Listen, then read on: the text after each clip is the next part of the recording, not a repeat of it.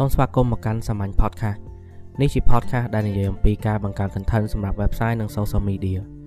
ស្វែងរកសាមញ្ញ podcast នៅលើ Google Podcast Apple Podcast Spotify និង Anchor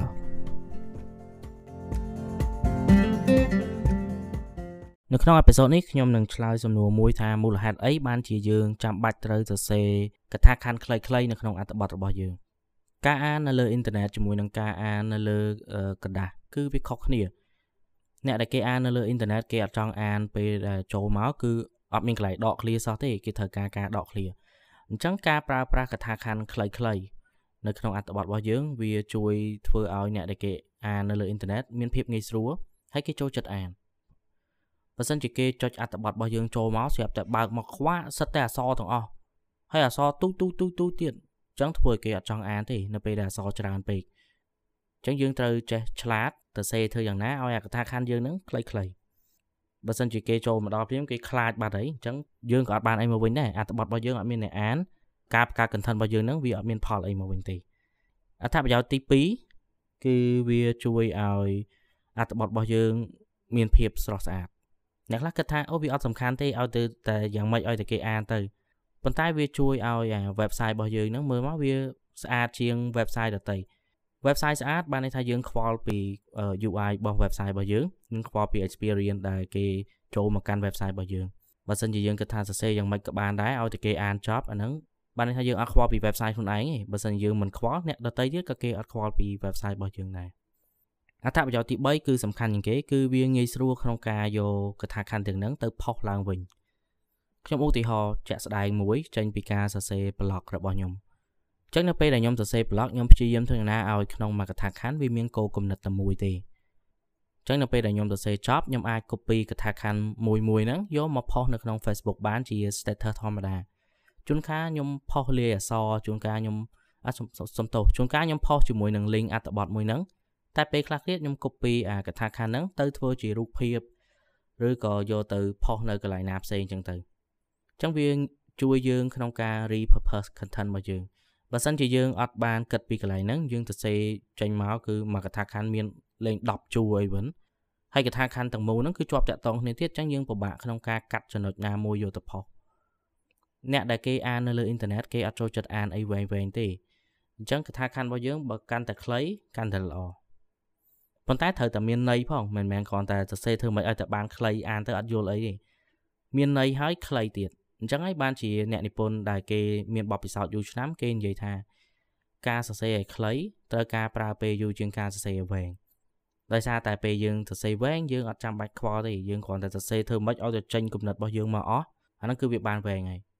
ប៉ុន្តែអ្នកដែលគេសរសេរខ្លីគឺគេបញ្ចេញគំនិតមកហើយគេចាប់ផ្ដើមកាត់គំនិតដែលមិនចាំបាច់ចោលកាត់ពាក្យណាដែលវាអត់មានបន្ថែមន័យទៅក្នុងប្រយោគនឹងចោលដើម្បីធ្វើឲ្យប្រយោគរបស់គេខ្លីប៉ុន្តែមានន័យគ្រប់គ្រាន់ ការសរសេរខ្លីនេះក៏វាជាវាទៀមទីឲ្យយើងរៀនដែរអាហ្នឹងព្រោះបើសិនជាយើងអត់រៀនសោះយើងអត់យល់ថាតើយើងគួរកាត់កន្លែងណាចោលយើងគួរប្រើពាក្យពេចន៍របៀបណាដើម្បីឲ្យវាខ្លីហើយស្ដាប់បាន គេយល់ខ្ញុំធ្លាប់អានសភៅមួយក្បាលគឺ writing without bullshit នេះជាសភៅជាភាសាអង់គ្លេសទេគេបង្រៀនពីរបៀបសរសេរខ្លីៗនៅក្នុង email ឬក៏នៅក្នុង memo នៅកន្លែងការងារ ប៉ុន្តែយើងអាចយកវាមក apply នៅក្នុងការទៅធ្វើ content របស់យើងបានដែរអ្នកទាំងអស់គ្នាអាចរកទិញនៅលើ Amazon ទៅមួយក្បាលដូចជា10ដុល្លារទេ e-book វាវាថ្លៃខ្ញុំដឹងវាថ្លៃសម្រាប់ e-book ប៉ុន្តែអ្នកទាំងអស់គ្នាត្រូវដឹងថាប្រយោជន៍របស់វាគឺជួយយើងបានក្នុងរយៈពេលយូរអ្នកដែលទៅសេវែងអត់មានអីអស្ចារ្យទេអ្នកដែលចេះទៅសេខ្លីបានវាអស្ចារ្យអញ្ចឹងហើយបានជាយើងឃើញអ្នកដែលនៅលើ Facebook អ្នកដែលមិនមែនជាអ្នកនិពន្ធពេលដែលគាត់ទៅសេអីមួយគឺវែងឡាយអត់មានកន្លែងដកឃ្លាទេ នេះមូលហេតុគឺដោយសារតែគាត់អត់យល់ពីកន្លែងហ្នឹងគាត់សរសេរមកគាត់អត់មានចោះបន្ទាត់អត់មានទាំងអស់កថាខណ្ឌគាត់គឺមួយគឺចប់រឿងគាត់ហ្នឹងតែម្ដងតែអ្នកដែលគេធ្លាប់សរសេរយូរឆ្នាំគេយល់ហើយគេដឹងថាការអាននៅលើអនឡាញចោះបន្ទាត់កាន់តែច្រើនកាន់តែល្អអញ្ចឹងរៀនសរសេរឲ្យបានខ្លីៗដើម្បីអ្នកអានរបស់យើងគាត់ងាយស្រួលអានហើយម្យ៉ាងទៀតវាជួយខ្លួនយើងផងកុំឲ្យយើងខ្លាយទៅជាមនុស្សដែលនិយាយច្រើនប៉ុន្តែអត់សូវមានន័យអី សម្ដីយើងកាន់តែតិចតែន័យយើងនៅក្តោបល្អបានន័យថាសម្ដីយើងមានតម្លៃនៅលើអ៊ីនធឺណិតក៏ដូចគ្នាដែរ content របស់យើងកាន់តែមានប្រយោជន៍ខ្លីមែនប៉ុន្តែអាចជួយគេបានអានោះវាខ្លាចជា content ដែលមានប្រយោជន៍ពិតប្រាកដខ្ញុំមានជាយោបល់មួយ ថានៅពេលដែលយើងធ្វើ content សរសេរនៅលើអ៊ីនធឺណិតកុំគិតថាយើងសរសេររាប់ស្លឹកដើម្បីយកលុយត្រូវគិតថាធ្វើយ៉ាងណាឲ្យចំណេញពេលអ្នកអានរបស់យើងគាត់អាចអានចប់គាត់អាចយល់ពីអ្វីដែលគាត់អានក្នុងរយៈពេលខ្លី ហើយគាត់ចុច like ឬក៏ចុច share នេះជាអ្វីដែលយើងត្រូវធ្វើអញ្ចឹងខ្ញុំមានតែប៉ុណ្្នឹងទេនៅក្នុងអេពីសូតនេះអ្នកទាំងអស់គ្នាដែលមិនទាន់ចុច subscribe ឬ follow podcast សូមចូលទៅ subscribe ផងហើយបើសិនជាមានពេលអាចចូលទៅសរសេរ review នៅក្នុង Apple Podcast ដើម្បីជួយឲ្យ podcast របស់ខ្ញុំនេះឡើងរែងជួបគ្នានៅអេពីសូតក្រោយអរគុណ